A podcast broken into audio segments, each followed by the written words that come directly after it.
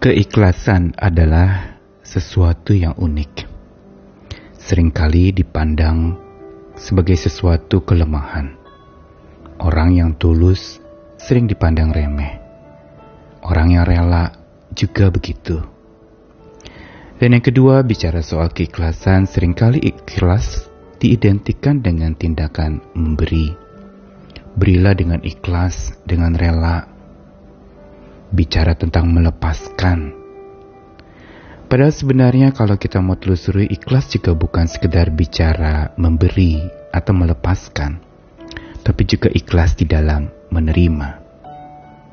Dan ikhlas ini sebenarnya memiliki keunikan yang ketiga yaitu ikhlas adalah kunci untuk hidup merdeka.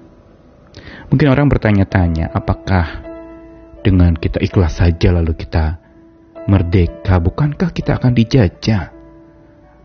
Bukankah kita akan ditindas karena kita terlalu ikhlas?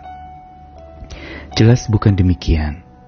Sikap ikhlas yang memang tidak identik dengan sesuatu penyerangan, tetapi sebuah kerelaan dan ini berasal dari hati. Dari hati yang bagaimana?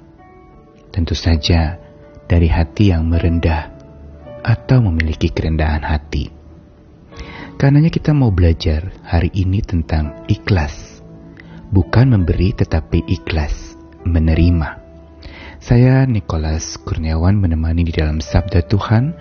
Hari ini di dalam rangkaian tema mengenai menerima atau acceptance, kita akan bersama-sama belajar hari demi hari setelah satu bulan kita merenungkan tentang arti dan khasiat bersyukur maka selanjutnya kita akan masuk dalam sebuah rangkaian seri renungan mengenai menerima atau penerimaan atau acceptance. Bacaan dari Mazmur 119 ayat 45 dan Matius 11 ayat yang ke-28. Aku hendak hidup dalam kelegaan sebab aku mencari titah-titahmu. Lalu Matius 11 ayat 28, Marilah kepadaku semua yang letih lesu dan berbeban berat, aku akan memberi kelegaan kepadamu. Dua ayat ini, satu dari perjanjian lama dan satu dari perjanjian baru, dua-duanya mengandung makna atau sebuah kata tentang kelegaan. Namun bila dibaca di dalam versi Alkitab terjemahan bahasa Inggris, di situ dikatakan I will walk about in freedom. Saya akan berjalan di dalam kemerdekaan. Atau di dalam versi bahasa Indonesia, Indonesian Modern Bible, maka aku akan berjalan di dalam kemerdekaan karena aku mencari peraturan-peraturanmu. Memang kata yang digunakan di dalam Mazmur 119 ayat 45 ini adalah sebuah kata yang memang berkonotasi makna sebuah kemerdekaan dalam arti ada kelegaan. Sebuah kemerdekaan yang bukan semata bicara terbebas dari penjajah, tetapi sebuah kemerdekaan yang sungguh-sungguh di dalam batin dan di dalam hati ini ada kelegaan. Ada sebuah kebebasan yang begitu dalam bukan bebas bablas tetapi sebuah bebas karena memang rela rela untuk menerima sesuatu yang mungkin sudah diterima. Dan apa rahasianya di dalam Mazmur 119 dikatakan sebab aku mencari peraturan-peraturanmu atau dikatakan aku mencari titah-titahmu. Mazmur 119 memang Mazmur yang berbicara tentang titah-titah Tuhan atau firman Tuhan. Dan di situ dikatakan aku mencari titah-titahmu. Gambaran apakah yang ingin dituliskan di dalam ayat itu? Ayat ini ingin mengatakan bahwa kalau kita mau berjalan di dalam kelegaan, kuncinya adalah kita perlu dengan rendah hati mencari titah-titah Tuhan hidup dari titah-titah Tuhan, menghamba kepada titah-titah Tuhan, bukan kepada apa yang dikatakan manusia, tetapi kepada apa yang dikatakan Tuhan. Dan di situlah sumber kelegaan atau kemerdekaan. Freedom justru berangkat dari humility, kerendahan hati, humbleness. Itu yang menyebabkan orang bisa mengalami kemerdekaan. Sekali lagi kerendahan hati bukan bicara atau bicara tentang sebuah kelemahan, bicara soal ketidakberdayaan. Tapi justru kekuatan kerendahan hati adalah sebuah kelegaan ini sikap dewasa yang jarang orang temukan di dalam dunia perjuangan.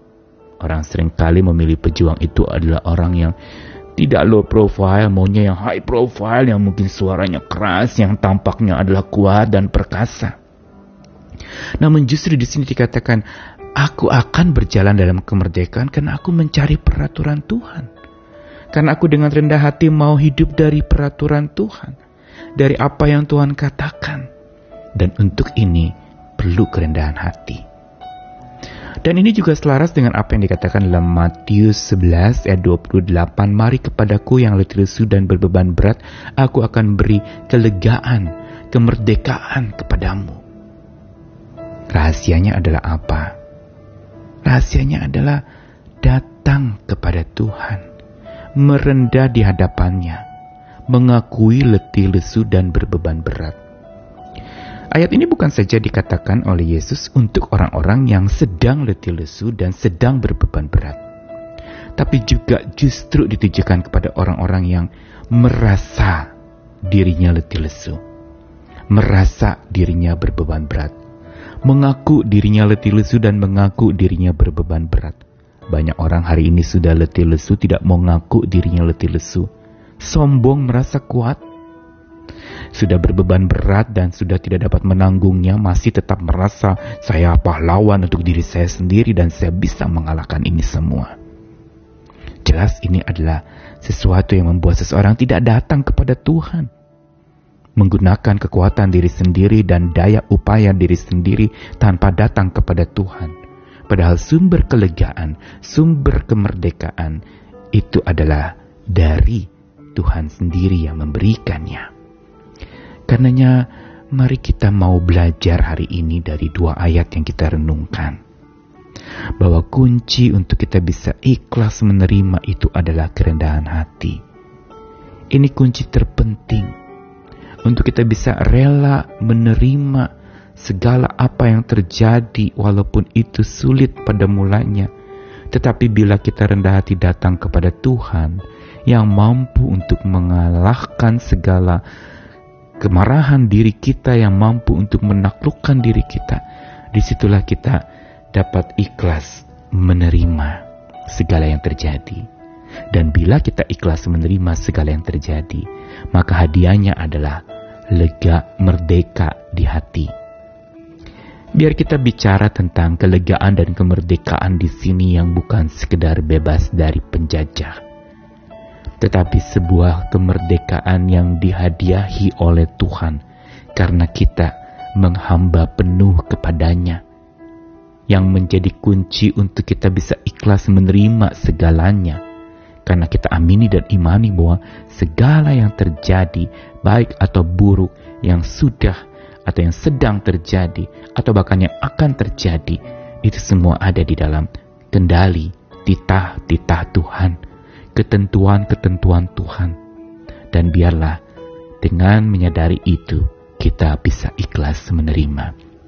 Mari belajar rendah hati lagi agar kita bisa melakukan pekerjaan rumah penerimaan diri, menerima segalanya dengan kekuatan Tuhan, menerima yang bukan lalu kemudian kita diam saja dan tidak berjuang lagi, tapi menerima bahwa bersama dengan Tuhan saya bisa, tanpa Tuhan saya binasa. Mari belajar ikhlas menerima. Tuhan sudah terlebih dahulu menerima kita dengan ikhlas. Dia mau kita belajar ikhlas menerima. Amin.